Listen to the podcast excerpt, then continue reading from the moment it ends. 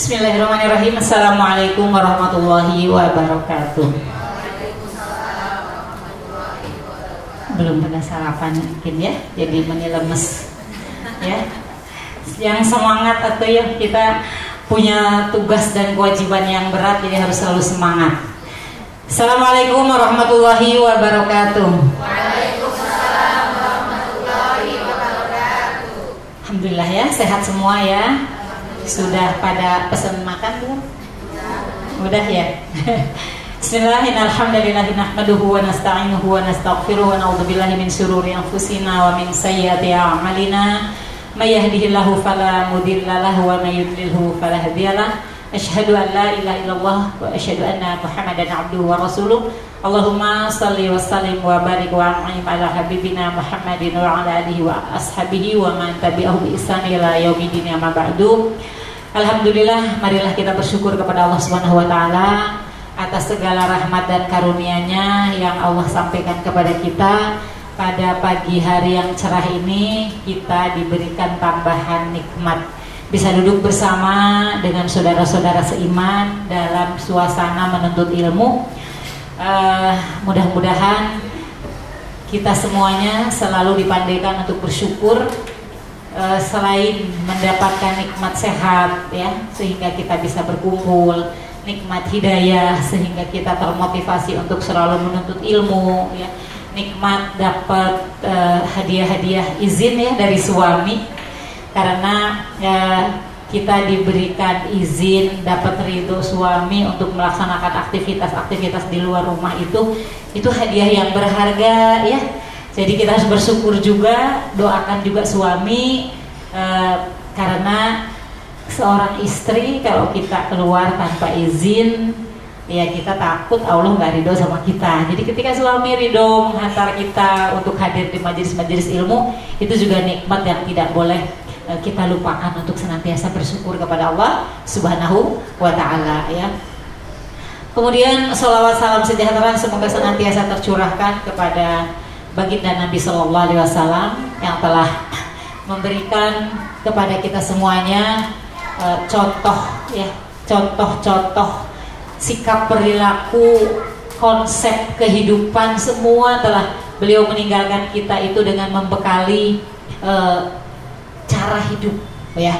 Beliau meninggalkan kita semuanya dengan me, e, meninggalkan perkara-perkara yang prinsip di dalam kehidupan kita. Dan alhamdulillah mudah-mudahan kita diberikan hidayah untuk terus menjadi pengikutnya yang setia diberikan kekuatan diberikan istiqomah sehingga sunnah-sunnah itu bisa kita hidupkan dalam kehidupan kita sehari-hari. Yang itulah nanti yang akan menjadikan kita bisa dikumpulkan dengan baginda Nabi Shallallahu Alaihi Wasallam ya. Kemudian uh, yang semoga dirahmati Allah Subhanahu Wa Taala uh, di kami Rumah Quran Bunda Aisyah menyelenggarakan satu program ya program dakwah untuk uh, masyarakat di sekitar Bandung. Kita uh, agak kesulitan kalau dilaksanakan di rumah Quran karena waktunya ter eh tempatnya tuh terbatas ya.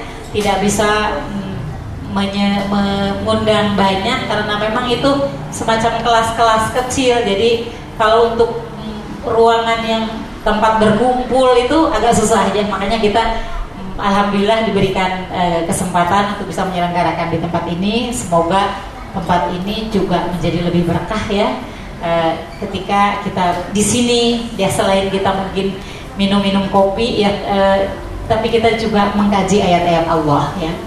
Uh, umat yang semoga dirahmati Allah Subhanahu wa taala pada pagi hari ini kita akan menyambung tema kita di bulan yang lalu tentang pentingnya sekolah bagi orang tua di mana kita sebetulnya punya kewajiban yang sangat penting di dalam uh, menyiapkan generasi, di dalam mendidik uh, umat ya. Jadi ketika kita punya tugas mendidik anak itu sebetulnya kan kita sedang mendidik umat, ya kan?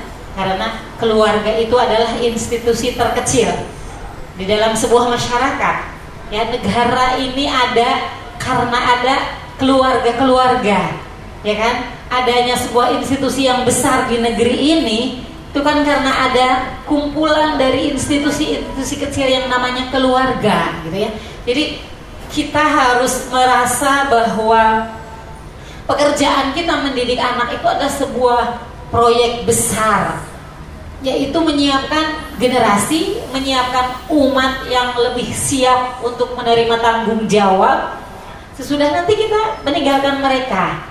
Ya, jadi tugas mendidik itu bukan hanya kita sekedar memikirkan bagai cuma memikirkan bagaimana anak saya menjadi soleh, kemudian berbakti nanti kepada kita sebagai orang tuanya, ya, bukan sekedar itu, gitu.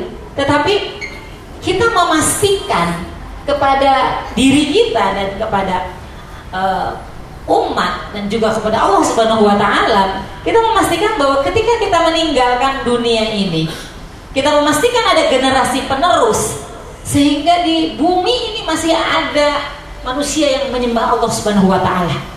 Ketika kita mendidik, sebetulnya kita sedang menyiapkan generasi yang mereka akan mengurus agama kita. Ya nggak bisa mendidik itu di disambi-sambi aja gitu ya sambil apa sambil mendidik gitu ya kemarin ada teman kita yang e, berkomunikasi WA ke saya dia bilang Umi e, apa namanya Umi masih ngurusin pesantren? Enggak gitu. Pesantren untuk apa? Untuk anak saya kelas 4 SD mau masuk pesantren. Saya bilang kelas 4 menurut saya ya terlalu kecil kalau untuk masuk pesantren. Kenapa gak diselesaikan dulu? Paling tidak kalau mau masuk pesantren itu nunggulah SMP gitu ya. Karena di situ sedang pembentukan karakter gitu. Aduh maaf Umi saya tuh sibuk ya saya tuh nggak bisa karena saya juga bekerja. Saya titipkan anak saya ke neneknya gitu ya sehingga saya bisa bekerja. Makanya saya mau masukin pesantren. Saya sedih gitu ya. Saya sedih kalau solusi kalau pesantren dijadikan sebagai hanya tetap tempat titipan, penitipan anak, bukan sebagai institusi partner kita untuk mengkader generasi. Jadi kalaupun kita nanti masukin anak ke pesantren itu juga harus diluruskan juga visi misinya gitu. Bukan mau nitipin anak gitu kan, tetapi kita berpartner dengan pesantren yang mungkin kita tidak punya visi di dalam mendidik anak, tapi pesantren yang kita e, tetapkan itu punya visi yang ternyata juga sama dengan kita sehingga Pesantren adalah sebuah institusi yang menjadi partner kita dalam menggembleng anak-anak kita gitu. Nah ini e, perkara-perkara yang hari ini sebetulnya perlu kita luruskan bersama-sama gitu ya. Maka dalam kesempatan ini saya mm, kasih judul ya dan tema kita adalah paradigma orang tua anak di dalam Islam ya. E,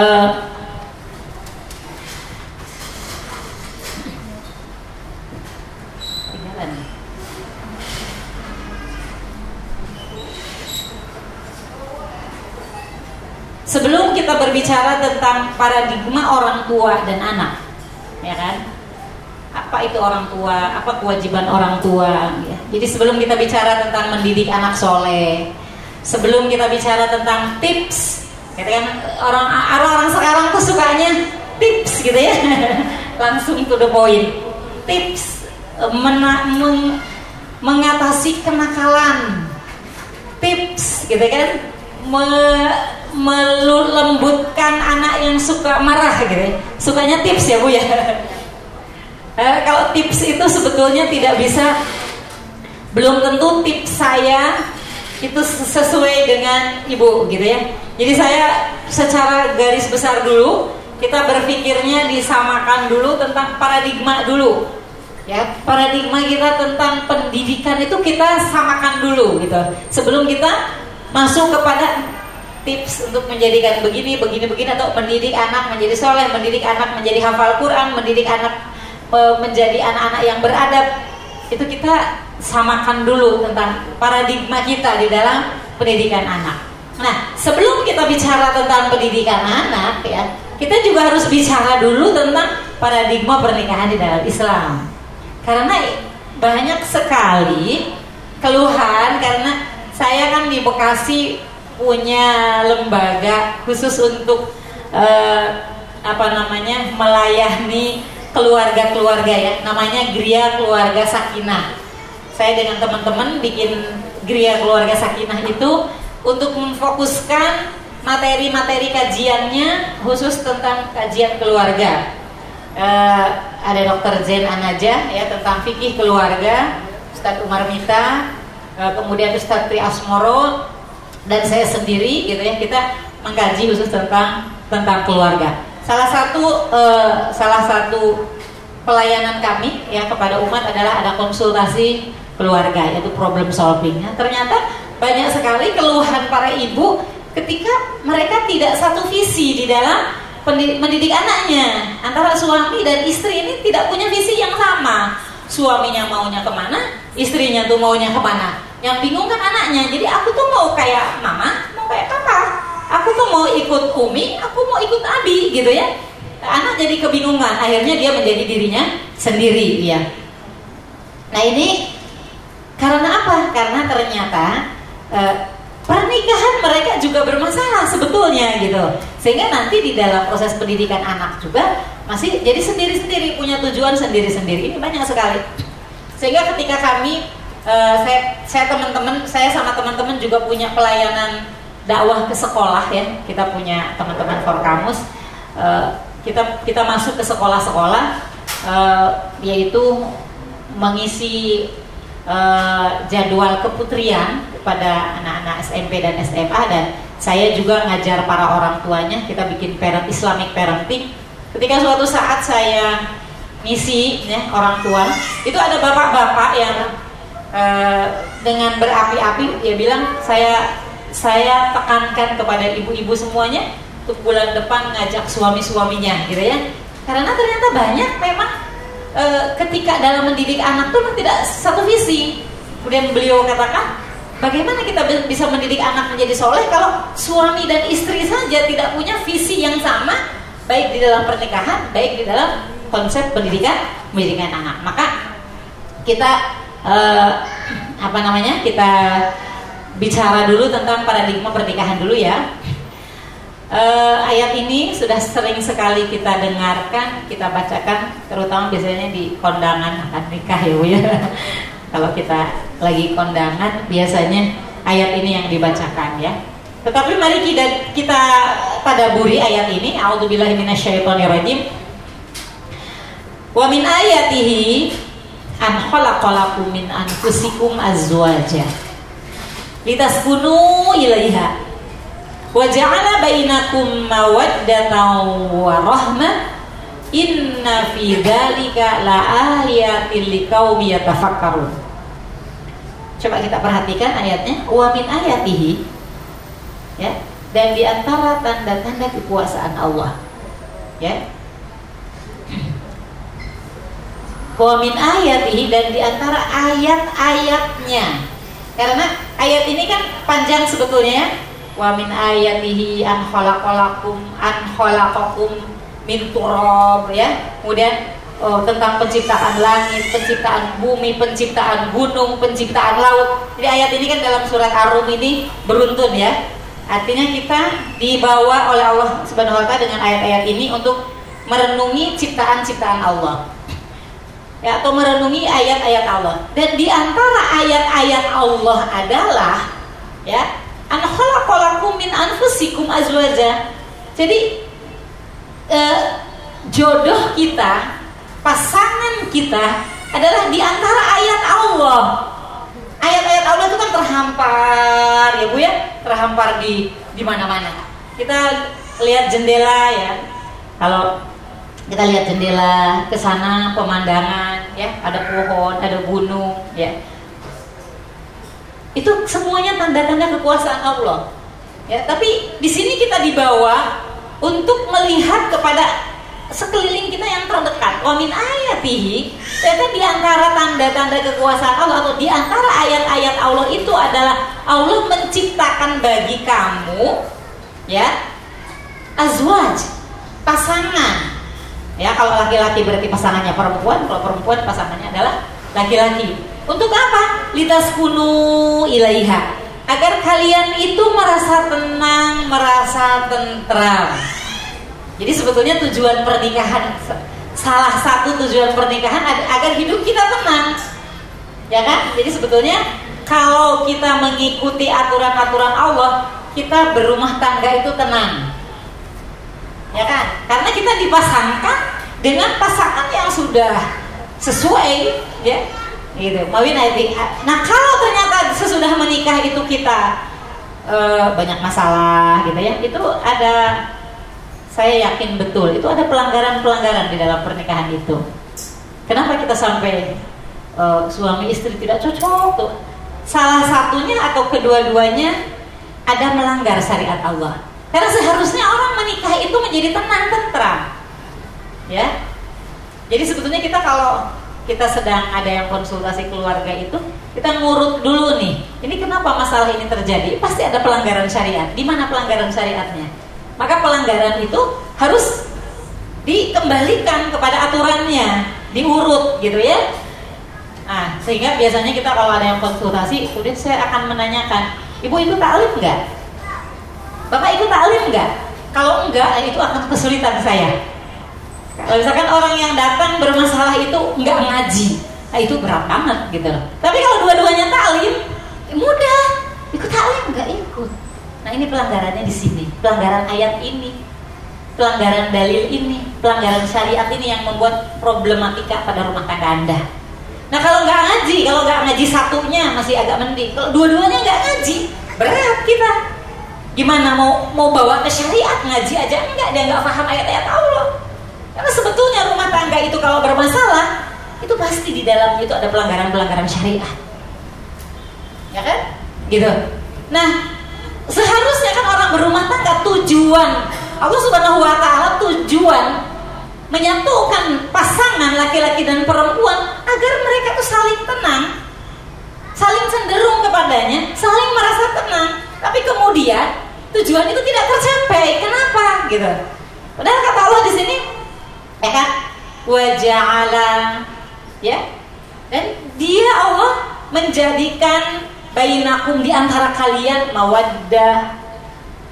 Allah loh yang Allah tuh memberikan, menjadikan di antara pasangan itu saling mencintai. Karena salah satu sifat Allah itu al-wadud. Ya kan? Ya enggak, Bu? Asmaul Husna. Salah satu nama Allah adalah Al-Wadud. Allah yang memiliki lautan cinta. Jadi yang paling yang memiliki cinta itu Allah. Jadi kalau ada pasangan yang kurang cinta, tidak bisa mencintai pasangannya atau tidak dicintai pasangannya, panggillah nama Allah ya Wadud, ya Wadud, ya Wadud. Ya kan? Allah memiliki cinta yang sangat luas. Berikanlah cinta itu kepadaku, kepada suamiku karena Allah berjanji sesudah Allah memasangkan laki-laki dan perempuan dalam kehidupan rumah tangga, Allah akan menjadikan di antara mereka itu saling mencintai. Jadi mawadah itu dari mana? Dari mana bu? Dari Allah. Kalau ada kurang-kurang mawadah, mintanya ke mana bu? Allah. Jangan cari kambing hitam. Gara-gara nggak ada gara-gara minta kepada Allah. Mungkin kalau sekarang kita kita kurang dicintai atau kita kurang mencintai karena begitu biasanya ya kalau dalam perjalanan pernikahan itu ada yang kemudian cinta menjadi susut bukan bertambah harusnya kan bertambah. Ya kan? Harusnya bertambah nih. Semakin kenal karakternya semakin tahu kita kebiasaannya. Semakin mudah sebetulnya harusnya. Tapi kenapa kok nggak bisa memahami juga udah sekian tahun pernikahan nggak bisa? Ini ada masalah Jangan cari kambing hitam dulu. Minta kepada sang pemilik cinta.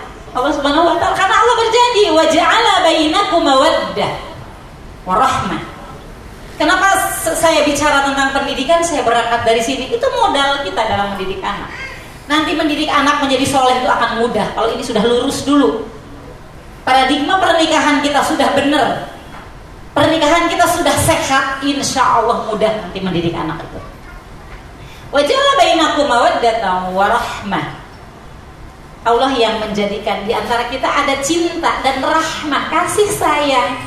Selain cinta, ya, cinta yang emosional, cinta yang romantis, cinta yang yang ada sensasi-sensasinya, ya itu mawaddah atau rahmah, cinta kasih sayang kayak ya kasihan, sayang gitu ya sama suami itu kita selain ada cinta yang sensasional, ibu ada cinta yang sensasional sama suami?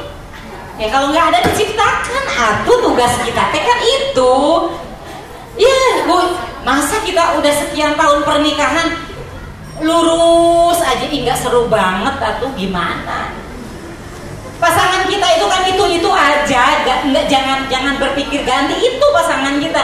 Bagaimana kita bisa jatuh cinta berkali-kali kepada orang yang sama? Itu butuh sensasi-sensasi. Iya, ini saya itu sudah jadi jida, suami saya sudah jadi jidi, kita sudah nenek kakek. Loh nenek kakek ini kalau tidak punya sensasi-sensasi, piye, obrolan nenek kakek, udah makanan juga. Kita sekarang makanan tetap terbatas ya. Kita nggak nggak bisa makan banyak. Terus kalau ngobrol tentang apa? Tentang cucu-cucu saja. Harus ada romantisme sensasi-sensasi di dalam uh, couple time kalau kata Salim Afilah itu kan kita harus punya couple time ya. Ketika kita sedang berduaan itu bagaimana kita bisa memunculkan sensasi-sensasi romantisme itu? Biar seru gitu loh rumah tangganya ya kan oh monoton gitu.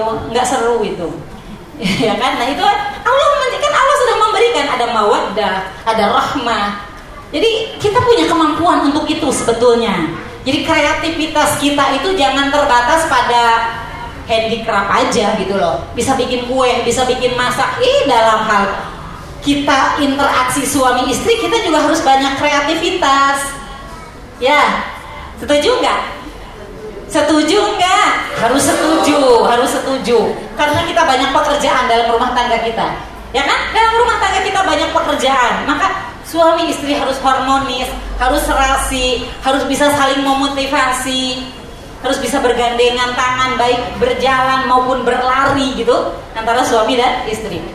Kemudian ayat ini diakhiri dengan inna fi dzalika la ayatil liqaumi yatafakkarun.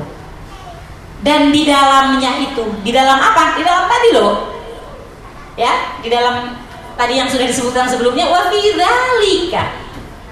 Ya.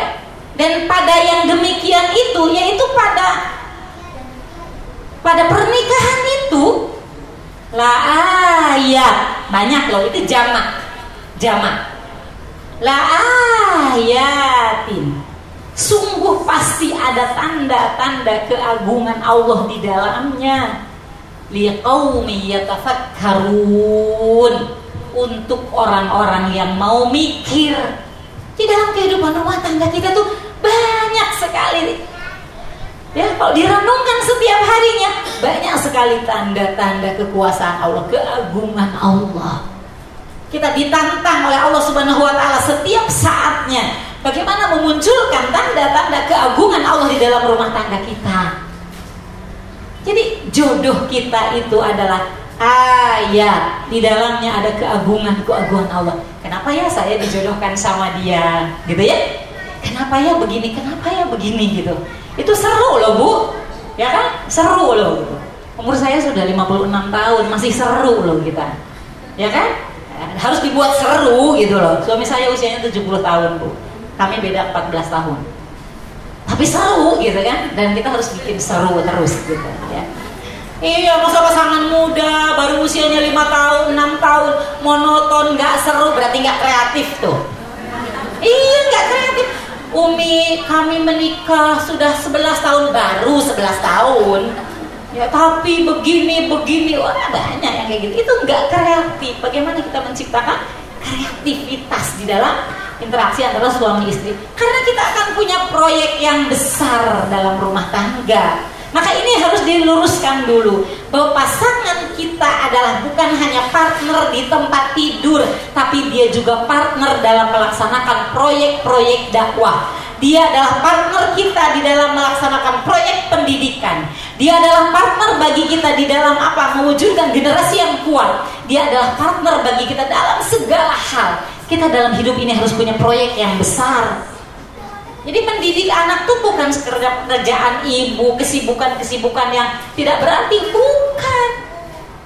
Mendidik anak itu proyek besar karena yang hasil dari ya proyek ini adalah sebuah generasi. Generasi akan menentukan bagaimana warna negeri ini. Ibu bagaimana membaca negeri ini hari ini? Bagaimana? Kebijakan-kebijakan yang diambil seperti apa?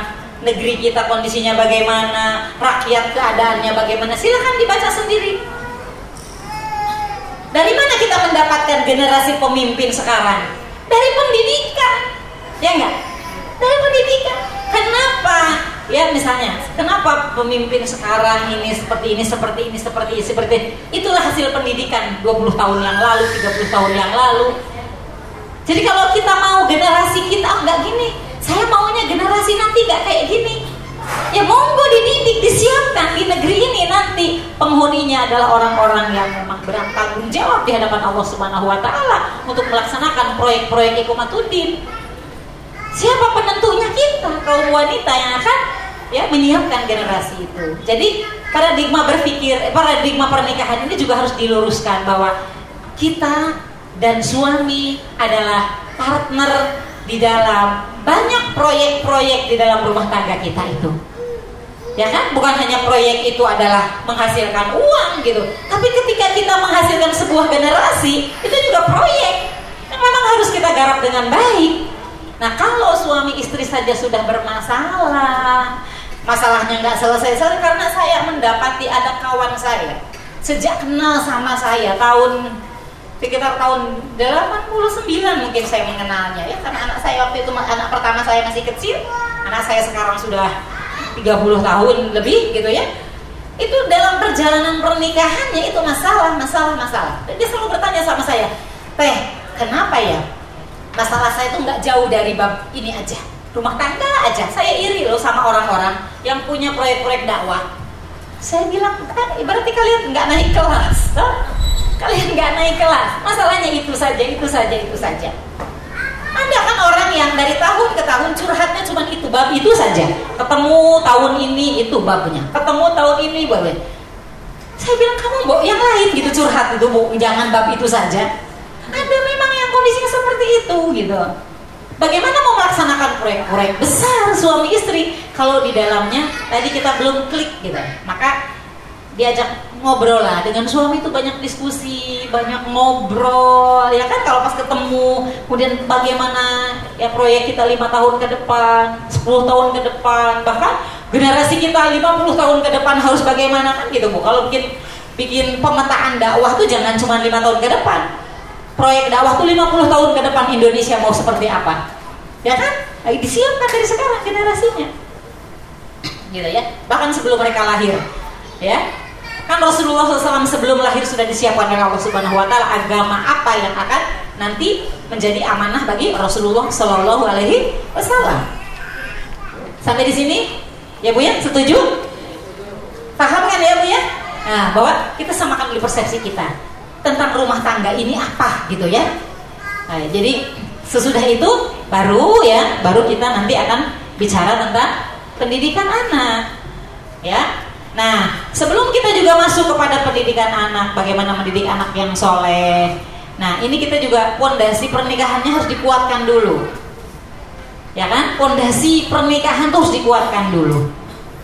Ada satu ayat yang biasanya menjadi kajian kita di dalam hubungan suami istri ya dalam surat An-Nisa ayat 34 dan 30 eh, 34 ini ini hubungan suami istri itu sebagai apa? Coba kita lihat.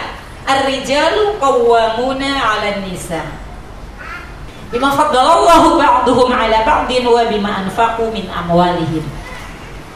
Ar-rijal ya laki-laki itu ya laki-laki itu qawwamuna 'ala nisa Kawamuna bukan hanya pemimpin.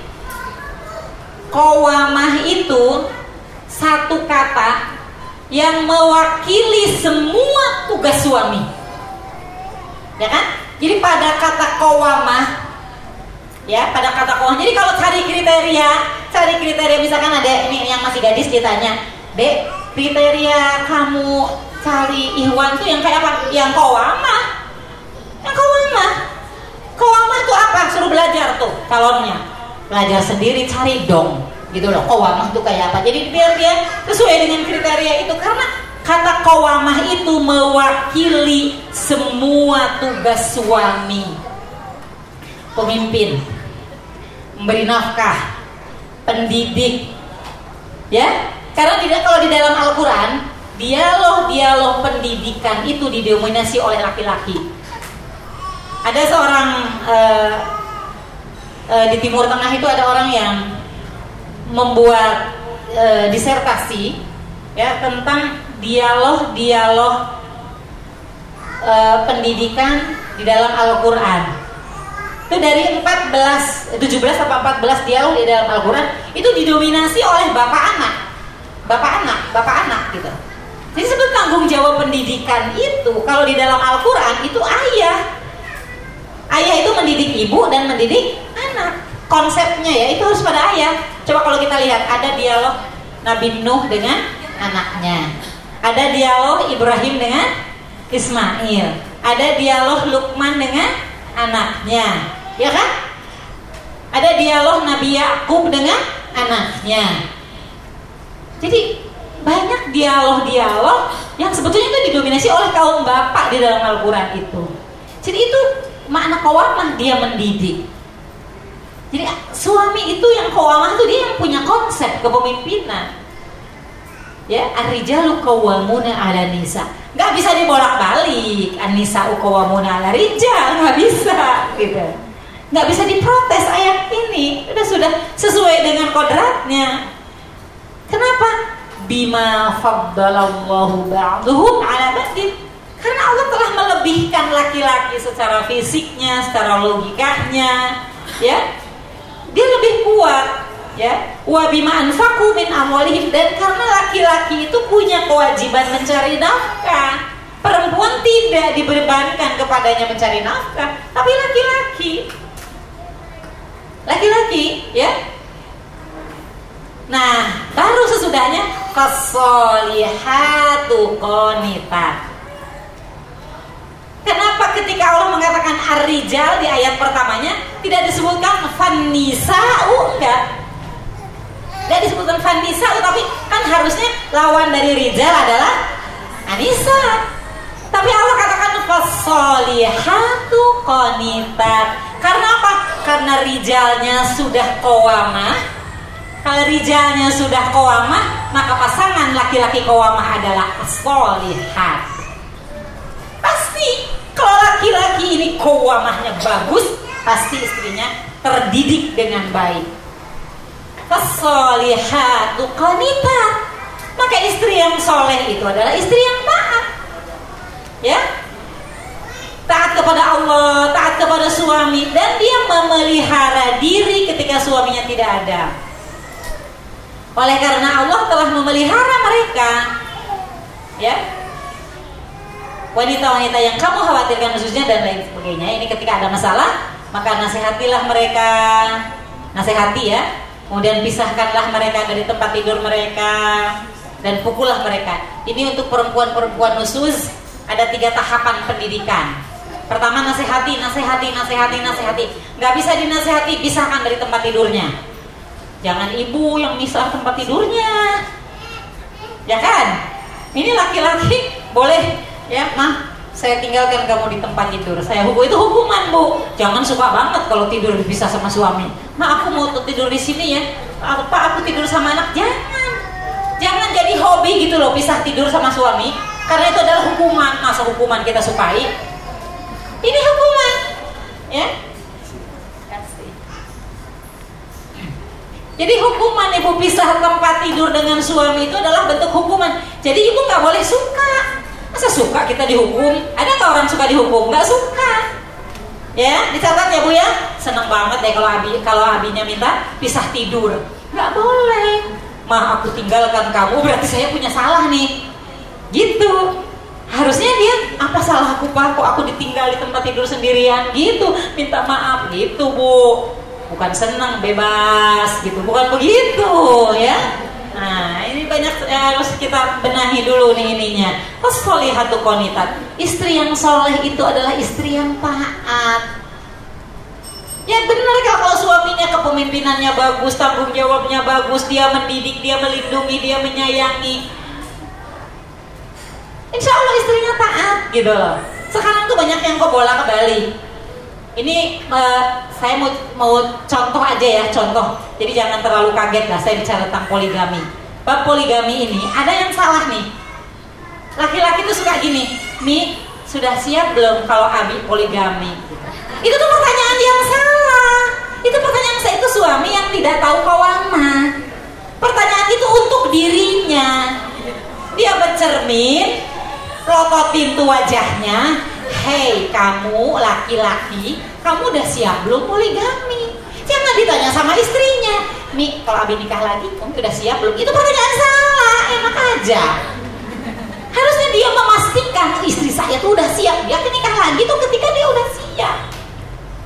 Kalau saya punya punya kafe, punya kedai kopi gitu ya, saya punya kedai kopi kecil-kecilan lah buat ngaji juga ya, tapi nggak sebesar ini kalau saya mau buka cabang, saya pastikan bahwa di pusat ini yang saya bikin ini yang pertama kali ini sudah bagus, ya kan? Pengunjungnya banyak, penggemarnya banyak, manajemen keuangannya rapi, karyawannya loya, ya nggak bu? Baru bicara bikin cabang. Kalau bikin cabang itu kan berarti harus ada ada pengadaan modal baru, cari SDM baru, ya enggak? Cari sarana prasarananya, Loh kok belum siap? Kalau belum siap ya ini aja diperkuat. Ini loh tentang bab kawama ini banyak yang belum paham juga bapak-bapak. Suka gemes juga bu, pengen juga ceramah depan bapak nih kalau bab itu gitu ya. gitu kan. Saya kalau ada mau ustad mau apa gitu yang bicara-bicara masalah seperti itu, ya eh jangan buat bercanda itu anda seperti itu, nggak mudah. Saya masih ingat itu beberapa waktu yang lalu. Uh, Dokter Zen waktu itu belum terlalu lama ke Indonesia ya baru pulang dari Mesir. Bilang Ustaz jangan bicara poligami dulu deh Ustaz bikin buku aja yang banyak lah. Anak-anak masih kecil di uminya baik banget gitu. Kayaknya saya orang baik kayak gini hafal Quran tiba-tiba ntar ada muncul orang yang belum siap ke kan repot juga gitu. Benar tuh beliau bikin buku gitu. Suatu hari ketemu di Al Azhar, Buyus, sekarang buku saya udah banyak. Jangan larang lagi ya saya poligami. Saya ketawa, ya Allah dimasukin ke hati rupanya gitu ya sekarang dia udah nikah lagi ya. Alhamdulillah udah siap gitu loh. Jadi uh, apa namanya kadang-kadang orang pinter aja nggak menjamin. Orang pinter berilmu itu nggak menjamin dia pandai memimpin gitu. Nah ini bab kewamah ini juga harus kita luruskan juga gitu ya. Nah bagaimana menghasilkan anak yang soleh? Yaitu ketika istrinya sudah soleh dulu gitu ya. Nah ini ini penting ya. Ini penting kedua-duanya uh, dan kita saling mengingatkan dengan suami bagaimana ini keduduk ini didudukkan didudukkan dengan baik ya tentang konsep uh, apa dasar pernikahan bagaimana laki-laki menjadi kawama dan istri menjadi istri yang taat ini harus di, dibenarkan harus diluruskan diperbaiki ya kondisi ini di dalam rumah tangga kita sehingga nanti ketika kita bicara tentang pendidikan anak itu kita akan mudah gitu ya. Saya lanjutkan dulu Nah, baru kita bicara tentang mendidik adalah kewajiban orang tua.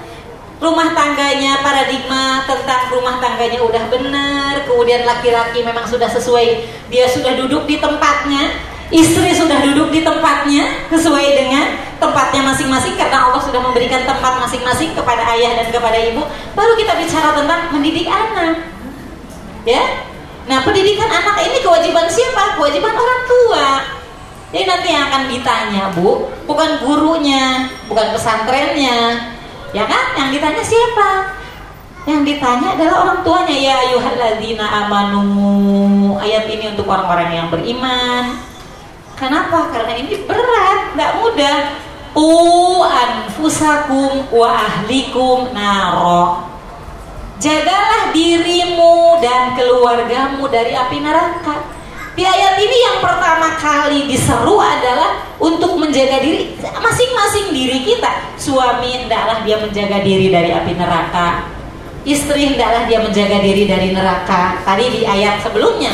Kalau ayat sebelumnya sudah dilaksanakan hari jalur kawamunanza fungsi-fungsi sebagai suami, fungsi sebagai istri sudah dilaksanakan dengan baik, ya. Itu berarti apa? Dia sudah menjaga dirinya baru kemudian wa ahlikum naro jadi orang yang tidak bisa menjaga diri bagaimana mau menjaga keluarganya dia tidak bisa melaksanakan ketaatan untuk perkara-perkara pribadi pribadinya, bagaimana kita mau mengajak orang lain anak-anak kita untuk taat? Bagaimana kita bisa menyuruh anak-anak kita sholat tepat pada waktunya kalau si ibu juga sholat ya, tidak tepat pada waktunya? Bagaimana kita bisa mengajarkan akhlak adab yang baik kepada anak kalau ibu juga tidak punya adab? Jadi diri dulu kita didik, kita mendidik diri menjadi orang yang taat. Ku anfusakum baru wa ahlikum dan keluargamu dari api neraka. Wah, baru di sini dijelaskan ya Saking Allah ingin memberikan perhatian kepada kita, jangan main-main dengan neraka. Di sini dijelaskan oleh Allah Subhanahu wa taala, wa quduhan nasu wal hijarah. Ya. Ini kan ayat ini kata-kata berikutnya kan untuk menjelaskan tadi naro. Neraka itu kayak apa? Ini menjadi keterangan untuk naro itu seperti apa? Wa quduhan nasu wal hijarah yang neraka itu bahan bakarnya dari manusia. Bayangin, naudzubillah, naudzubillah, manusia jadi bahan bakar. Ibu pernah lihat kayu bakar? Gak usah kayu bakar lah yang serem ya. Arang aja yang dibakar kayak apa? Ibu berani ketika arang menyala-nyala berani masukin telunjuk? Enggak kan, yang kita masukin sate aja kan dibolak-balik gitu ya. Gak berani kita. Itu apa di dunia? Jadi bahan bakar itu manusia dibakar dan apa dan batu kalau batu dibakar lebih panas tidak lebih panas tahan lama panasnya dan penjaga-penjaganya adalah malaikat-malaikat yang kasar.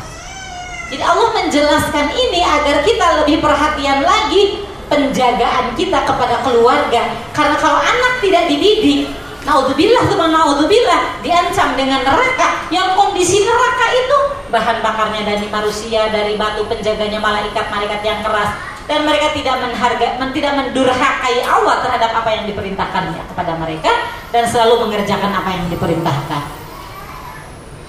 Ya, ini ayat yang e, menjadi pegangan kita bahwa kita punya kewajiban mendidik.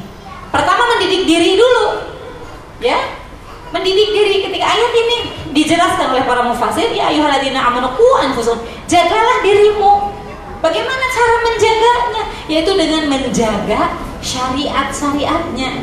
Kita menjaga diri. Bagaimana menjaga diri dari api neraka? Menjaga syariat-syariat yang sudah ditetapkan oleh Allah Subhanahu wa taala kepada kita. Ikuti perintahnya, jauhi larangannya.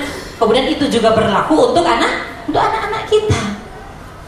Ini ayat yang uh, menjadi pegangan kita bahwa mendidik itu adalah kewajiban kita. Ketika misalnya kita ternyata diamanahi menjadi guru, diamanahi menjadi guru TPA, menjadi guru PAUD, guru TAUD, guru TK, kita juga harus jadi pedoman ayat ini bahwa anak-anak yang diamanahkan kepada kita itu itu juga kita harus solehkan mereka. Saya kami di rumah Quran itu kan banyak program ya, ada tahfidz usia dini, ada TPA, ada tahfidz untuk mahasiswa, ya ada tahfidz untuk anak laki-laki, ada tahfidz untuk ibu-ibu. Kepada semua guru saya selalu kan menekankan bahwa murid adalah amanah. Kalau murid misalnya guru tahsin, kenapa murid kita itu tahsinnya belum bagus? Jangan salahkan guru dulu, tanya kepada kita. Sudah ikhlas belum kita mendidik mereka? Mengajari mereka huruf-huruf Al-Quran kalau anak-anak TPA, kenapa anak-anak TPA ini kok adabnya masih seperti itu? Ya kan? Kenapa? Tanya kepada gurunya, sudahkah kamu mendidik mereka itu dengan ikhlas? Menghadirkan hati ketika mengajari mereka. Itu selalu saya ingatkan kepada semua guru. Gak ada pekerjaan dalam Islam tuh yang pekerjaan sambil aja sambil lalu tuh gak ada. Semua harus dilaksanakan dengan penuh tanggung jawab. Apalagi anak kita sendiri anak kita yang nakal yang disalahin anak orang. Saya pernah ngisi e, parenting di Islamic parenting di sebuah sekolah itu ya gitu. Anak saya ketika dia masuk sekolah ya kok malah jadi nakal?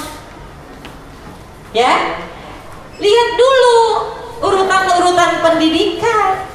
Siapa madrasah awal? Ibu. Kalau madrasah awal ini sukses madrasatul ula anak bersama ibu itu kan 0 sampai 2 tahun full sama ibunya. Baru dua ya sudah itu ada usia nanti 2 sampai 5 sudah ada keterlibatan ayah. Tapi masih di rumah. Nanti 5 sampai 7 itu masih di rumah. Kalau dari 0 sampai 7 itu di rumah 7 tahun pembentukan karakternya udah jadi ya kan menjadi sebuah karakter yang kuat dia berteman dengan siapa pun dia akan punya imunitas anak kita nggak bisa suruh steril karena dia harus bergaul kan? Karena manusia itu makhluk sosial. Gak bisa dia dikurung terus biar nggak bergaul sama siapa-siapa. Tidak bisa. Dia makhluk sosial. Tapi bagaimana anak-anak kita itu imun terhadap segala ancaman-ancaman akhlak? Di mana pun dia berada, karena dia sudah punya karakter, ya dia tidak mudah terpengaruh. Nah kalau anak kita belum punya karakter yang kuat karena kita tidak kuat untuk membentuk karakter, ya dia akan mudah terombang-ambing belum lama ini saya bilang sama mbak yang mbak yang bantu-bantu di rumah itu karena dia dulu di tahu di kami dulu dia sekolahnya di tahfidz usia dini di tahfidz kami. Bagus gitu. Sekarang diambil dari tahun kemudian masuk di sebuah TK saya bilang mbak coba setiap hari karena sudah agak beda. Mbak setiap hari dicek coba. Anaknya belajar apa hari itu pengaruh teman apa gimana gimana gitu. Karena sekarang udah mulai agak berbeda nih bicaranya apanya. Karena mungkin karakternya belum belum terbentuk dengan kuat. Sehingga ketika dia pindah lingkungan terpengaruh lagi dengan lingkungannya. Jadi sebetulnya kita nggak boleh menyalahkan lingkungan. Kalau memang kita sudah menunaikan tugas kita di usia-usia pembentukan karakter kita sudah membentuk karakternya makanya harus berhitung sekali kapan anak kita keluar kapan anak kita masuk pesantren, kapan anak itu kita harus amati anak kita udah siap atau belum. Karena kalau kita sudah lepas anak kita keluar dari rumah, kita harus siap dengan segala kemungkinan. Ya kan? Misalkan di pesantren, berapa lama di pesantren itu dengan ustadznya? Berapa lama dia dengan kiainya? Berapa lama dia tahfidz dan berapa lama dengan temannya?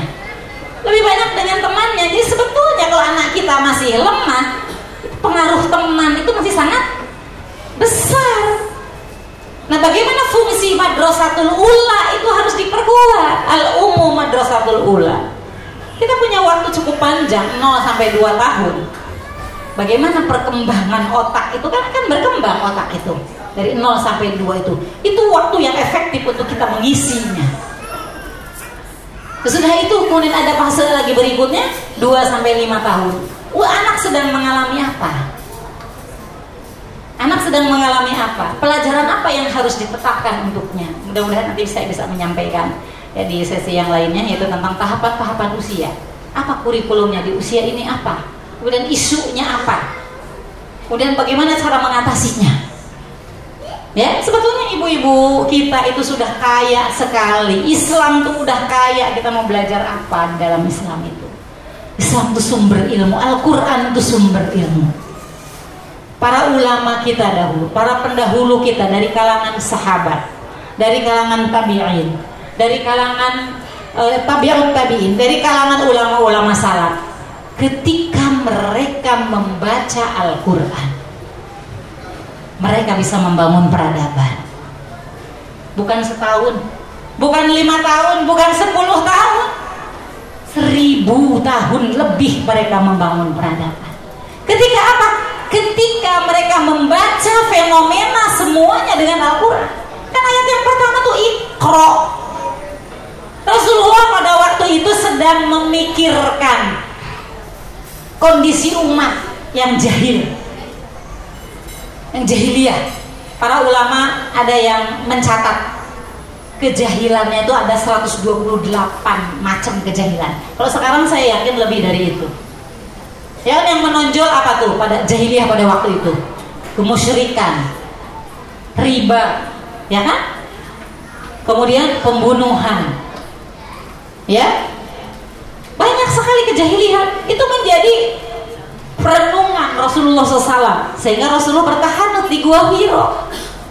Tapi ayat yang pertama itu apa? Bukan bukan cara-cara mengatasi jahiliyah itu tapi ikro. Baca ya tapi ternyata dengan membaca itulah membacanya Bismi Rabbika ladzi khalaq Bismi Rabbika. Membacanya itu Bismi Rabbika. Ketika Rasulullah SAW membaca, mengaji, ketika para sahabat mengaji, membaca Al-Quran, ketika para tabiin membaca Al-Quran, ketika ulama salaf itu membaca Al-Quran, apa yang dihasilkan oleh mereka? Peradaban. Ya kan? Iya. Tapi membaca bukan cuma ngaji maghrib, ngaji subuh, bukan hanya itu. Tapi bagaimana Al-Quran yang dibaca itu bukan sekedar dibaca, tapi menjadi pijakan dalam melaksanakan segala sesuatu. Sekarang kita semua mengadopsi pendidikan, mengadopsi barat, padahal ayat ikro ada di dalam Al-Quran. Jangankan berikan indah aja bu. Apa itu indah? Indah adalah kalau zaman dulu indah adalah Quran definisinya. Indah adalah keindahan di surga, ya kan? Diterjemahkan ketika mereka membangun istana, membangun masjid, membuat ornamen-ornamen, bikin rumah sakit. Konsepnya dari indah ala Al-Quran. Sehingga ketika membangun rumah sakit pun mereka rumah sakit yang bagus. Ya, di rumah sakit itu bukan cuma kumpulan orang pasien-pasien aja dibuat tamannya kalau kalau baca sejarah rumah sakit di dalam Islam nanti baca sendiri aja bagaimana rumah sakit yang dibangun pada waktu itu kenapa? Karena mereka punya definisi yang jelas. Sakit adalah benar sakit adalah berdasarkan Al-Quran. Ya kan? Oh sekarang tuh semua kita pakai ide barat orang sakit adalah komoditas bisa diambil uangnya sebanyak-banyaknya. Jadi bagaimana caranya biar orang sakitnya lama-lama di rumah sakit biar bayarnya banyak? Kalau ada didorong pasien yang lagi ngap-ngapan? Apa yang ditanya? Apa yang diminta siapa penanggungnya berapa depositnya begitu kan? Iya itu bukan konsep Islam. Karena mereka tidak membaca dari Al-Quran. Tapi coba kalau ulama ibu nanti baca sejarah. Cari informasi rumah sakit di masa kejayaan Islam. Bagaimana mereka membuat rumah sakit? Karena apa? Karena mereka mengambilnya dari Al-Quran semua. Ibu di mana pun yang pernah berjaya Islam. Turki. Ya kan? Di Granada di mana di ya Coba lihat keindahannya luar biasa kan masjid-masjidnya, taman-tamannya, perpustakaannya, keindahan yang ada. Kenapa? Karena mereka membaca dengan Al-Quran. Jadi Islam itu sudah ada semuanya. Apalagi baca, bicara tentang pendidikan. Cukuplah, kita seharusnya cukuplah mencukupkan diri kita dengan Al-Quran dulu, bukan nggak boleh belajar yang lain. Mencukupkan dengan Al-Quran dulu. Kalau kita belum menggali Al-Quran sebanyak-banyaknya, jangan bilang dalam Islam nggak ada. Sehingga kita butuh mengadopsi dari yang lain. Ya, ini ayat tentang konsep e, pendidikan bahwa pendidikan adalah amanah bagi orang tua. Nah, kewajiban anak adalah taat. Orang tua sudah memberikan rambu-rambu tentang pendidikan darahmu, sudah memberikan teladan-teladan. Tadi ya, bagaimana menjadi suami, bagaimana menjadi istri, bagaimana menjadi ayah, bagaimana menjadi ibu. Anak sudah secara otomatis di rumah itu melihat, ya, melihat figur-figur orang-orang yang taat di dalam rumah. Karena tadi Ar-Rijalu Qawwamun ayah yang menunaikan tugasnya sebagai seorang suami, sebagai seorang ayah, ibu yang melaksanakan tugasnya baik sebagai seorang istri maupun sebagai seorang ibu. Yang dilihat pemandangannya oleh anak adalah ketaatan ayah dan ketaatan ibu, kesolehan ayah dan kesolehan ibu. Maka akan mudah bagi anak ketika mendengar ayat-ayat semacam ini. Wa qadara rabbuka alla ta'budu illa iyyah wa bil walidaini ya? Dan Rabbmu telah memerintahkan supaya kamu jangan menyembah selain Allah dan hendaklah kamu berbuat baik kepada ibu bapakmu dengan sebaik-baiknya. Jika salah seorang di antara keduanya atau kedua-duanya sampai berumur lanjut dalam pemeliharaanmu maka sekali-kali jangan kamu mengatakan kepada keduanya perkataan ah uf ya? Dan janganlah kamu membentak mereka. Wakul dan katakanlah kepada mereka ya wakul lahuma kaulan karimah dan katakanlah kepada mereka perkataan yang perkataan yang baik. Ah atau cis itu cuma sekedar begini aja nggak boleh nih. Nggak nak. Tolong ya uh, nanti mama dibantu. Cuman bilang gini aja bu. Itu nggak boleh. Atau itu aja nggak boleh. Itu cis itu begitu dilarang kalau dilarang sama Allah nggak boleh. Apa yang terjadi hari ini? Apa yang terjadi hari ini? Ya kan? Itu larangan.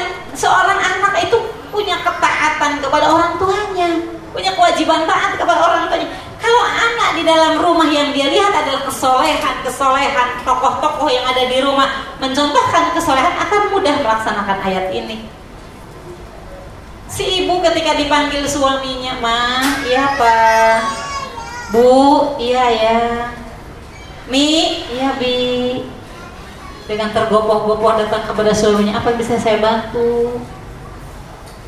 Ya kan? Nah anaknya kalau dipanggil juga mudah nah iya mah coba bayangkan setiap hari yang dilihat oleh anak itu mah apa sih pak? Panggil panggil aja. Setiap hari itu yang didengar. Mah tunggu ini mah lagi goreng. Ah ini cewek banget. Tiap hari itu yang didengar. Masih nih mah papa pengen ngopi bareng. Ah, apaan sih? Itu yang setiap hari didengar. Kira-kira ketika anak dipanggil nah apa sih mah eh jangan heran. Karena itu yang dilihat setiap hari oleh anak kita. Jadi tadi pondasi keluarganya diperbaiki dulu kalau kita memang mau mendidik anak yang anak yang soleh karena anak kasihan anak karena nanti di hadapan Allah orang tua akan ditanya apakah kamu sudah menunaikan kewajibanmu? Itu anak ditanya dulu sebelum anaknya ditanya oleh Allah apakah kamu sudah menunaikan kewajiban kepada orang tua? Orang tuanya dulu apakah kamu sudah mendidik anakmu karena ketaatan kepada orang tua itu adalah hasil dari pendidikan ya Bagaimana Imam Ahmad, Imam Syafi'i yang kemudian tumbuh dari kecil kemudian besar menjadi para ulama. Itu bagaimana bimbingan orang ibunya, ya. Walaupun single parent ibunya Imam Syafi'i. Atau misalkan kita mungkin cerita yang sangat populer tentang Uwais Al-Qarni. Sampai tidak berjumpa dengan Rasulullah sampai Rasulullah diberitahu oleh diberitahu oleh Allah Subhanahu wa taala. Sehingga Rasulullah mengabarkan kepada para sahabat jika ada orang bernama Uwais Al-Qarni datang dari Yaman minta mintalah ya dia mendoakan kalian karena doanya makbul. Nggak ketemu Rasulullah sampai tahu. Abu Bakar As-Siddiq sampai ketemu. Umar bin Khattab yang ketemu.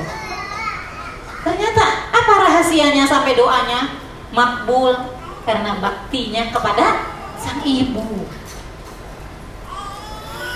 ya jadi mudah anak itu melaksanakan kesolehan jika pemandangan di dalam rumahnya adalah kesolehan demi kesolehan. Kemudian ini ayat wa in jahadaka ala an tusyrika bima laysa laka bi'ilmun fala tuti'huma wa sahibuhuma fi dunya ma'rufa wattabi sabila man anaba ilai thumma ilayya marji'ukum fa unabbi'ukum bima kuntum ta'malun. Surat Luqman ayat 15. Dan jika keduanya memaksamu untuk mempersekutukan dengan sesuatu dengan aku. Jika orang tuanya masih syirik, orang tuanya masih jahil. Kemudian orang tua ini mengajarkan kepada anaknya kesyirikan. Kata Allah tutihuma, jangan ikuti syiriknya. Jangan ikuti jahilnya.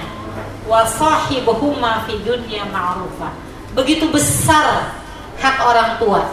Walaupun mereka masih musyrik, tapi kamu tetap harus wasahibuhuma fi dunya ma'rufa. Pergaulilah kedua orang tuamu itu dengan baik. Ya, dalam keadaan orang tua masih syirik, masih jahil pun kita masih punya kewajiban. Jadi kalau anak soleh itu akan tahu kewajiban ini. Tapi tadi metode pendidikan dengan keteladanan. Maka di dalam Al-Quran itu ada kata uswatun hasanah. Uswatun hasanah ini cuma tiga di dalam Al-Quran. Ditempelkan kepada Nabi Ibrahim ada dua ayat. ditempelkan kepada Rasulullah ada satu ayat. Ditempelkan kepada Rasulullah di dalam Al-Qur'an surat Al-Ahzab ya. Ayat, ayat 21 ya. Laqad kana lakum fi Rasulillahi uswatun hasanah. Ya, laqad kana lakum sungguh pada dirimu ada suri teladan yang baik. Uswatun hasanah itu hanya hanya Nabi Muhammad dan Nabi Ibrahim. Model yang harus ditiru. Kalau nabi-nabi lain itu paling ibroh. Ibroh, ada pelajaran, tapi tidak disebutkan uswatun hasanah. Tapi Rasulullah dan Nabi Ibrahim itu uswatun hasanah. Ini salah satu saya ambil dalam Quran surat Mumtahanah ayat 6. Laqad kana lakum fihim uswatun hasanatun. Sungguh pada mereka itu ada teladan yang baik bagimu yaitu bagi siapa? Bagi orang-orang yang mengharap pahala Allah dan keselamatan pada hari kemudian. Dan barang siapa yang berpaling maka sesungguhnya Allah itu yang maha kaya lagi maha terpuji. Uswatun hasanah. Kita aja umat manusia ini kita umat manusia oleh Allah diberikan uswatun hasanah, diberikan model. Ini loh model tauhid yang benar untuk kayak Nabi Ibrahim. Ini loh model untuk umat terakhir itu adalah Rasulullah SAW. Ini model. Kita umat manusia dari zaman ke zaman diberikan model. Nah untuk anak-anak kita itu mereka butuh model menjadi ya orang soleh itu seperti apa maka pendidikan dengan keteladanan itu sangat efektif. Sehingga kita tidak perlu banyak ceramah. Ya bu ya? Ceramah nah kamu itu sama orang tuh nah kamu kalau sholat harus begini. Nah kamu harus ngaji. Nah kamu tapi dia tidak melihat itu. Hah, siapa yang mau ngasih mahkota sama mama? hafal Quran. Mamahnya nggak hafal Quran. Hei ngaji nak. Biar bacaan kamu bagus biar baca baca Quran itu harus sebagaimana Rasulullah SAW mengucapkan huruf-huruf Al-Quran. Coba mama contohkan. Ih mama belum bisa. Gimana coba kalau gitu? Kan semangat di rumah Quran karena berangkat dari itu bu. Saya kan dulu ngajar majelis taklim. Saya sedih sekali. Ibu-ibu majelis taklim banyak yang nggak bisa ngaji. Makanya saya bikin rumah Quran itu. Karena berangkat dari situ, sedih gitu kan? Gimana nggak bisa mencontohkan? Ibu-ibu nggak bisa mencontohkan Al-Fatihah yang betul. Gimana kalau Al-Fatihah aja nggak benar? Padahal Al-Fatihah itu hukumnya wajib di dalam sholat. Ya kan? Kan salah baca itu ada yang jatuhnya kepada haram. Kalau an-am tak dibaca an-am tuh itu kan haram sudah. Udah salah artinya ya maka gimana kita nak baca Quran yang benar kamu nggak boleh baca Quran sembarangan. Ayo tuh mau contohin. Ya, ntar mama ngaji dulu belum bisa nyontohin. Ya, nggak bisa bu seperti itu. Eh nak kita sholat tepat pada waktunya. Ayo lo mama. Dan mama masih masak. Ya, nggak bisa seperti itu. Ya kan? Kita nggak perlu banyak ceramah. Kalau ya kita sudah punya kebiasaan. Anak-anak tuh udah tahu kok. Bu anak-anak kita itu tahu kebiasaan kita dari kecil aja dia masih ingat kok kebiasaan-kebiasaan kita sejak mereka kecil. Ya kan? Jadi mereka kenal banget kebiasaan ibunya. Dia kenal banget kebiasaan orang tuanya. Anak-anak saya sudah besar ya bu ya? Anak saya itu empat sudah anak saya lima empat sudah menikah. Satu yang belum menikah ya. ya mereka sudah tahu kebiasaan kita kebiasaan makan kita kebiasaan kita udah tahu gitu. Nah kalau kebiasaan itu baik tinggal mencontohnya gitu. Sudah memberi contoh saja itu tidak tidak semudah itu apalagi kalau anak kita tidak mendapatkan contoh.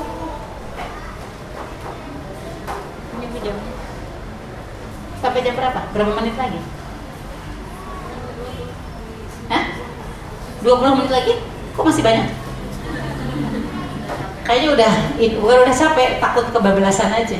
Ya, jadi mendidik dengan teladan karena Rasulullah SAW, kenapa para sahabat itu begitu mencintai Rasulullah? Ibu ingat peristiwa ketika Rasulullah wafat? Ingat nggak? Umar bin Khattab sampai mengatakan apa? Siapa yang mengatakan Rasulullah meninggal? Saya bunuh. Ya kan? Kenapa itu sebetulnya ekspresi cinta, ekspresi yang takut kehilangan. Kenapa para sahabat itu sampai cintanya kepada Rasul? Semua orang yang pernah berjumpa dengan Nabi ya para sahabat itu itu punya cinta yang begitu tinggi, cintaan yang besar. Ingin memberikan semua yang dimilikinya oleh Rasulullah. Kalau ibu tahu tentang peristiwa Ka'ab bin Malik ketika ketinggalan perang dalam perang Tabuk itu, kemudian akhirnya dia dia ketinggalan perang tanpa alasan. Dan beliau tidak dia bilang kalau saya bohong saya bisa. Tapi saya tidak bisa bohong kepada Rasulullah. Akhirnya kan eh, apa namanya? Selama 50 hari kan nggak ditanya ya, diboikot sama semua sahabat itu sedihnya 50 hari itu diboikot sampai Rasulullah menunggu ayat turun bahwa yang menyatakan bahwa Ka'ab bin Malik itu diterima tobatnya. Itu 50 hari. Bahkan hari ke-40 kata Rasulullah sampaikan kepada Ka'ab untuk memisahkan istrinya. Dipisah dari istrinya. Itu sedih banget, Bu. Mencoba sholat di samping Rasulullah, sholat sunat. Dia berharap Rasulullah tuh ngelirik kayak gitu sedikit enggak, Bu. Itu sedih sekali. Assalamualaikum sama Rasulullah sambil bibir Rasulullah mungkin agak ngunyem sedikit gitu. Enggak itu sedih Rasulullah Assalamualaikum nggak dijawab tuh bu. Itu sedihnya Kak bin Malik. Selama 50 hari bahkan salah satunya kan bertiga ya itu mengikatkan di masjid di tiang gitu ya mengikatkan diri ketika mereka itu di dihukum tuh sedih luar biasa kenapa karena cintanya kepada Rasulullah itu besar sekali apa yang membuat mereka cinta? Karena akhlak Rasulullah. Karena contoh-contoh yang diberikan oleh baginda Nabi adalah contoh kebaikan semuanya. Kalau dibilang dermawan, beliau yang paling dermawan. Kalau dibilang taat, beliau yang paling taat. Kalau dibilang lembut, beliau yang paling lembut. Penyayang. Sehingga para sahabat itu cintanya, ya taatnya itu besar. Itu uswatun hasanah itu seperti itu. Ya, maka bagaimana para orang tua menjadikan dirinya sebagai uswah hasanah bagi anaknya. Jika anak-anak tuh nggak bingung cari model, kan kasihan bu ya. Kalau anak-anak di rumah nggak ada role model, nggak ada modelnya, dia akan mencari keluar model mana yang harus saya, yang harus saya contoh, ya.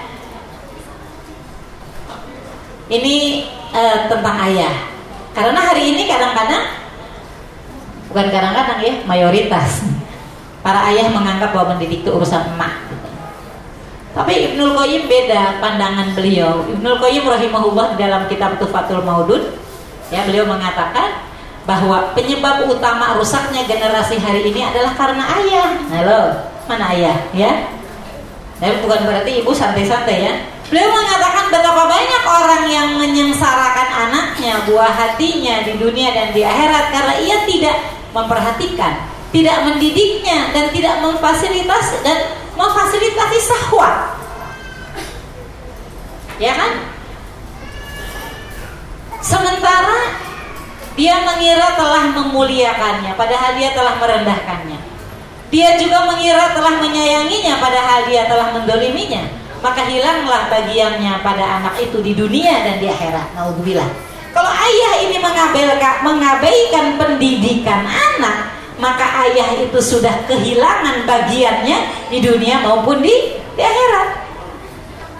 Jika anda mati kerusakan pada anak-anak penyebab utamanya adalah ayah. Tadi ayah yang tidak punya jiwa kowama. Ya ayah ini harus punya karakter yang kuat. Contoh bagi anak dan contoh bagi istri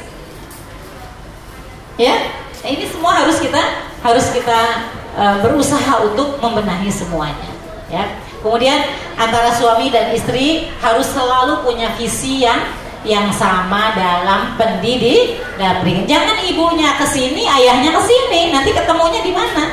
Persimpangan jalan. Ya, jadi harus selalu kita menyampaikan visi dan misi antara suami istri. Makanya tadi ngobrol, penting ngobrol ya dengan pasang dengan pasangan. Ngobrol apa? Yang ngobrol untuk menyamakan visi dan misi. Kalau yang tadinya beda, kemudian bagaimana menjadi sama.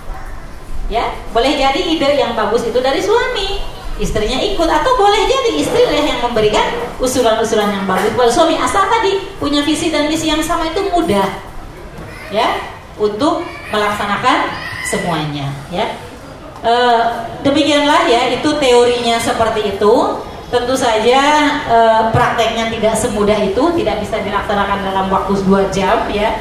Kita butuh waktu, apalagi kalau perjalanan rumah tangga kita sudah panjang dan sudah banyak melakukan kesalahan-kesalahan karena mungkin kurangnya ilmu, kurangnya pemahaman, kita ya kita menjadi punya PR. Jadi rumah-rumah kita masing-masing, tetapi kita jangan patah semangat, kita jangan menganggap bahwa e, kita sudah terlambat ya, karena Allah Subhanahu wa taala memberikan hidayah kepada kita, petunjuk kepada kita, ilmu kepada kita ya baru kali ini. Sehingga ya kita punya azam yang kuat. Tinggal kita punya azam yang kuat bagaimana kita memperbaiki yang salah, bagaimana kita meluruskan yang bengkok, ya, bagaimana kita menguatkan azam kita agar benar-benar ketika kita wafat nanti meninggalkan generasi yang kuat, generasi yang solih, generasi solihah, ya, yang mereka bisa diamanahi agama kita bisa diaga, diamanahi apa bu? bisa diamanahi agama kita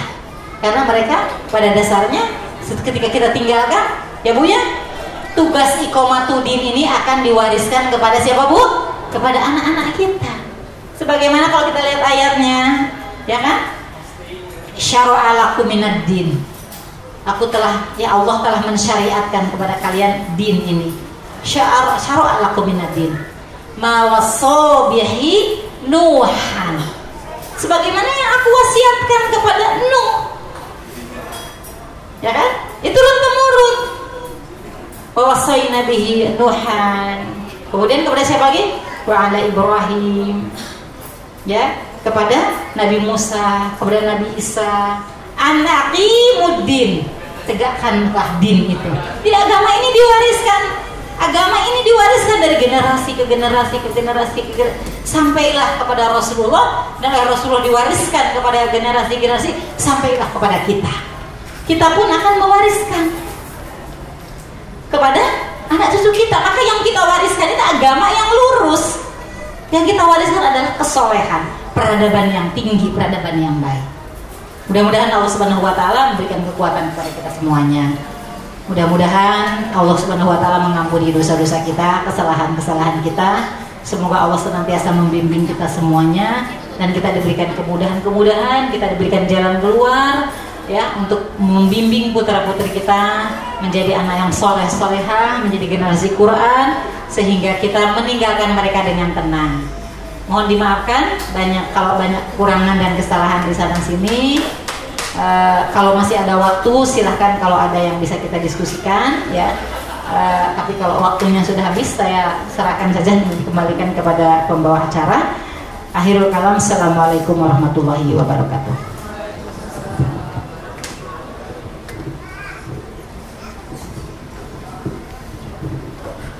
Oke, okay, jazakumullah khairan kepada Umi Yus atas wejangan ilmunya yang masya Allah sangat bermanfaat. Uh, insya Allah masih ada waktu 18 menit lagi untuk tanya jawab. Barangkali ada yang bertanya.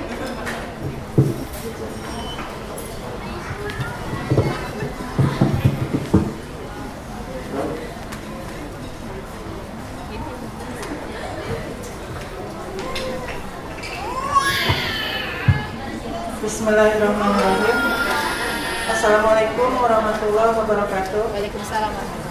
Umi, apa saya mau nanya gitu. Mungkin bukan nanya e, minta sedikit solusi gitu ya. E, bagaimana ketika seorang suami mentalak istri melalui chat WA dikarenakan beda pemahaman dan tidak ridho dengan istri yang bernikah serta e, suaminya itu masih gemar dengan musik sementara istrinya tidak. Dan talak itu pun jatuh. Ketika ditanya fix iya seperti itu untuk pisah. Dan tidak ada kata lagi duduk dari suaminya. Apa yang harus disikapi sementara uh, udah ada anak satu. Syukuran om. Assalamualaikum warahmatullahi wabarakatuh. Tampung aja ya Umi Ustazah sekarang tuh kan lagi marah uh, di TV itu lagi marah uh, dan trendy acara prank. Uh, itu kan uh, membohongi orang tua. Sedangkan e, dalam berbicara ah saja tidak boleh. Apalagi ini e, digebor-geborin. Jadi anak-anak tuh mengikuti acara itu bagaimana e, memberitahukan kepada anak-anak supaya tidak mengikuti acara itu terima kasih Oke, ada lagi bu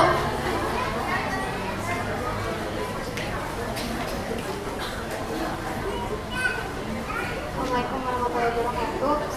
Ini saya mau tanya eh, masalah yang tadi tentang koma. Kan dalam mendidik anak itu suami harus ikut berperan. Nah, kalau misalkan suaminya masih kurang, cara eh, sebagai istri memberitahu ke suami untuk agar ikutan gitu. Tapi eh, biar gak nyakitin, biar dengan lembut gitu. Kasih taunya gimana ya? sudah dulu ya bu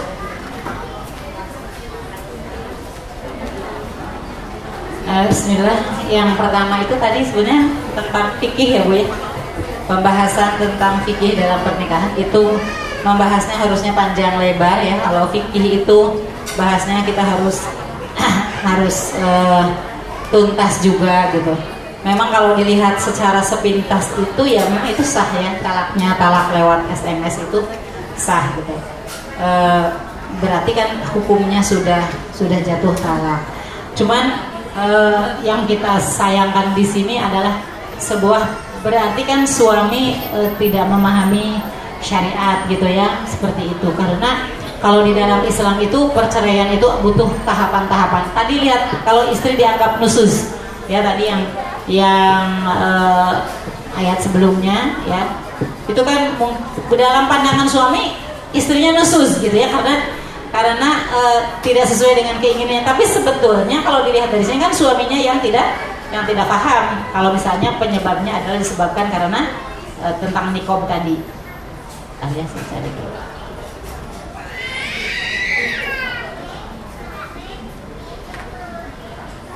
Nah, ini kan eh, wanita-wanita yang kamu khawatirkan nusus, nusus itu kan durhaka. Nusus itu durhaka. Istri yang durhaka, istri yang tidak taat sama suami. Artinya istrinya melanggar syariat gitu ya. Kalau istri melanggar syariat, istri keluar dari rambu-rambu syariat, maka nasihatilah. Gak boleh langsung ditalak.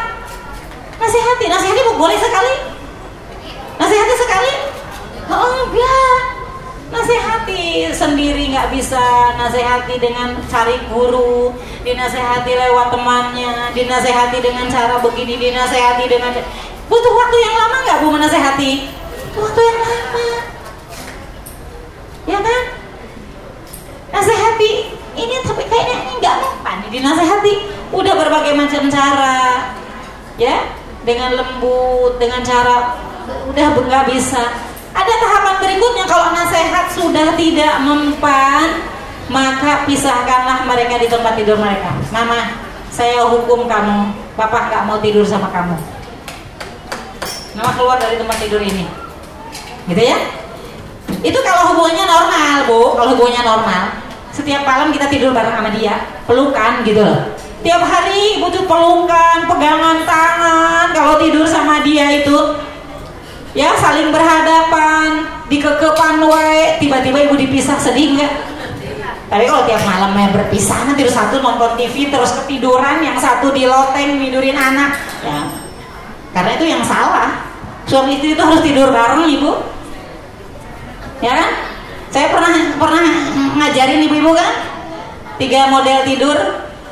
Kalau berhadap-hadapan pak kekep-kekep gitu kan? Kalau kita udah pegal mau munggungin kita bilang mas maaf ya aku pegal terus tangan suami dipegang biar meluk kita.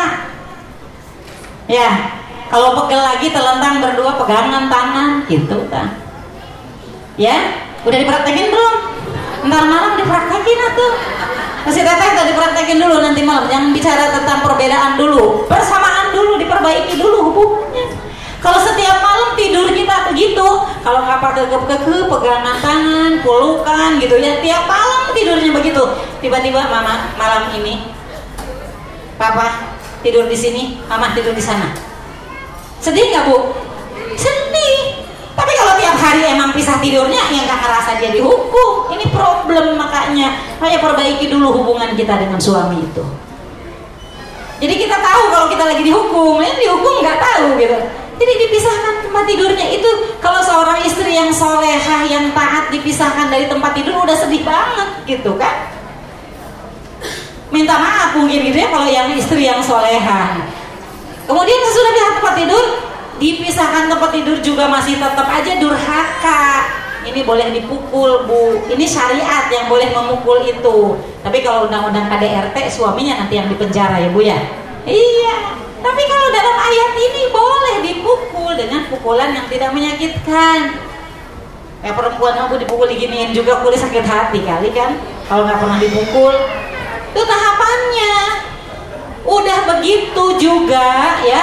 Udah begitu juga nggak mempan juga. Baru lari ke ayat berikutnya ayat 35 nya di sini nggak ada.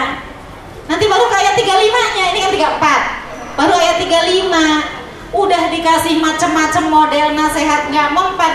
Panggil walinya. Orang tuanya pamannya uaknya kakaknya ini lo keluar, ini lo anakmu, ini lo adekmu. Saya sudah nasehatin kok dia tuh susah. Saya tuh nggak sanggup. Gimana nih? Nggak belum talak itu belum. Kakaknya nasehatin, emaknya nasehatin atau bikin surat perjanjian. Ayo kita bikin surat perjanjian. Kalau dalam waktu enam bulan tidak ada perubahan, maka ada tindakan berikutnya. Begitu panjang ceritanya mau talak itu ternyata keluarganya sudah bilang udah aku nggak kuat. Kamu juga nggak kuat mendidik aku juga udah nggak kuat mendidik. Terserah kamu deh kalau mau dicerai juga nggak apa keluarganya bilang begitu. Baru kalau gitu jatuh talak satu. Talak satu.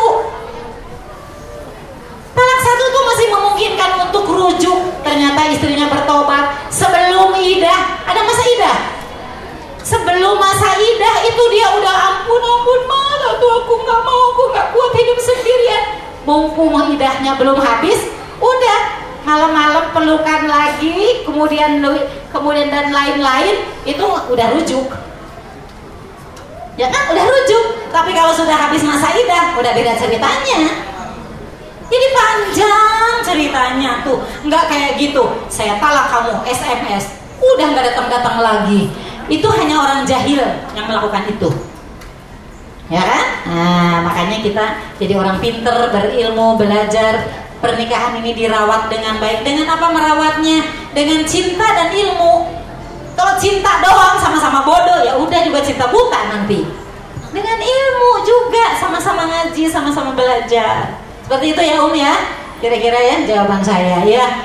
Nanti konsultasi aja, ada pendampingan. Ini teman-teman yang mengalami seperti ini didampingi dibawa ke ustadz biar berkonsultasi dengan ustadz bagaimana tahapan-tahapan berikutnya. Orang tuanya gimana kondisinya apalagi dia punya anak. Harus ada advokasi psikologis advokasi keagamaan ya harus ada pendampingan keagamaan.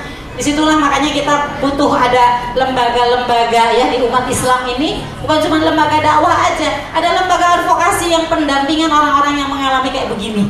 Siapa yang mau mendampingin dia coba ya kan? Kita harus ada teman-teman kita yang melakukan pendampingan-pendampingan kemudian penyuluhan-penyuluhan diberikan uh, diberi apa namanya? Diberikan uh, pendampingan lah intinya seperti itu. Karena ya ada trauma lah pasti padanya ya gitu. Yang pertama kemudian yang kedua uh, ya gini bu ya. Orang tua juga harus waspada. Apa saja sih di rumah yang berbahaya kalau TV sudah dianggap berbahaya, kita harus berani memutuskan di rumah ini tidak ada TV. Kalau gadget sudah dianggap berbahaya, maka kita harus berani memutuskan di rumah ini tidak ada gadget. Ya kan kalau kita tidak bisa mengendalikan. Karena kalau ada TV pun harus dengan syarat. Mama boleh adakan TV tetapi ini syaratnya ini ini ini acara yang boleh ditonton apa, jam tayang jam berapa. Syaratnya banyak. Kalau enggak itu bebas. Apa saja yang ditonton anak kita bahkan ada TV yang 24 jam tidak pernah mati. Iklan pun ditayangkan terus menerus berdampak pasti berdampak pada keluarga itu. Jadi eh, kita harus punya punya punya ketegasan. Karena menurut mama ini melalaikan waktu sholat yang menjadi contoh ketidakbaikan. Kita harus berani menetapkan lalu mulai sekarang kita nggak nonton TV gitu ya. Kecuali kita bisa mengendalikan semuanya, bisa memilihkan acara untuk anak-anak, bisa melakukan pendampingan, atau anak-anak kita sudah tahu memilih mana acara yang boleh ditonton, mana yang tidak. Kalau tidak, jangan biarkan keluarga kita menjadi korban. Sama gadget juga begitu. Janganlah, jangan sampai ya kemudian kemajuan teknologi itu menjadikan kita objek. Apa pun itulah Bu itu kan baru satu contoh aja. Karena acara yang lain juga banyak. Ya kan? Acara yang lain juga banyak yang seharusnya itu tidak menjadi tontonan kita. Tapi tadi kembali lagi, kembali lagi tadi, kalau fungsi tarbiyahnya berjalan dalam sebuah keluarga, anak akan bisa memilih gitu. Maka tadi Bu di saat pembentukan karakter tadi itu kalau kita kosong ya masa-masa itu kita tidak mengisinya ya anak-anak kita menjadi rapuh mudah sekali terpengaruh terpengaruh gitu jadi jawabnya tuh bukan hanya bab ini saja bu. Sebetulnya bukan cuma acara itu saja juga. Banyak sekali acara-acara yang memang sebetulnya tidak pantas untuk dijadikan tontonan. Nah ketika dijadikan tontonan tersimpan kemudian di di memori anak-anak kita itu menjadi rujukan ya sikap dan tingkah laku. Kan menjadi berbahaya gitu. Ya memang kita hari ini harus menjadi ibu-ibu yang cerdas, harus menjadi ibu-ibu yang uh, tegas mana yang boleh, mana yang tidak boleh. Kalau enggak, anak-anak kita akan menjadi korban. Seperti itu ya Bu ya. Itu untuk semua kasus tontonan, untuk semua acara, bahkan untuk semua uh, alat-alat gadget apa pun itu. Kalau memang gadget itu ternyata akan membuat anak-anak kita terseret kepada hal-hal yang buruk, ya kita harus berani mengatakan tidak gitu. Memang orang tua harus harus berani seperti itu. Itu ya Bu ya. Gitu. Kemudian yang ketiga e, sebetulnya ya kasus begini bukan bukan satu kali dua kali ditemukan lah. Kita banyak menemukan hal-hal pertanyaan-pertanyaan semacam ini di mana saja e, di kasus di apa di acara-acara ibu-ibu itu. E, mungkin dulu ketika kita menikah dengan bekal ilmu yang terbatas. Ngaji pikirnya belum selesai, bab nikah aja belum selesai kita udah nikah. Baru bab toharoh, nggak maju-maju bab toharoh juga wudhu aja wudhunya juga belum selesai-selesai. Kita udah nikah, belum sampai bab munakahah, kita udah nikah gitu. Nah dalam perjalanan waktu pun kadang suami dan istri juga berbeda jalannya. Ada yang satu berjalan cepat, rajin ngaji, yang satunya enggak. Ini juga akan akan berubah juga nanti bagaimana hubungan suami istri itu ketika berjalannya juga enggak bareng, enggak bersama-sama gitu. Itu bukan itu dari satu poin aja bab parenting, bab pendidikan anak. Dari bab-bab yang lain juga pasti kita akan nanti berbeda gitu. Maka ya, yang pertama tentu saja karena hubungan suami istri itu adalah hubungan multidimensi. Ada banyak kepentingan bu suami istri itu ya kan? Bukan cuma kepentingan pendidikan, ada kepentingan ekonomi enggak? Ada. Ada kepentingan asmara enggak? Ada banyak gitu. Maka karena itu hubungan multidimensi, kita memperbaikinya juga dari semua sisi. Dari mana mulainya? Yang paling mudah. Yang paling mudah kita memperbaiki, menjalin itu dari mana? Yang paling mudah dengan suami kalau kata-kata kita mau didengar oleh suami, ya berarti kita harus punya strategi bagaimana meyakinkan suami bahwa apa yang saya sampaikan adalah satu kebaikan. Yang saya sampaikan adalah satu kebenaran. Itu teh ada triknya. Ya kan? Ada caranya kan? Makanya ibu kita tuh harus apa ya? Manusia itu adalah makhluk yang sangat cerdas. Manusia itu makhluk yang sangat cerdas. Otak kita itu luar biasa sekali.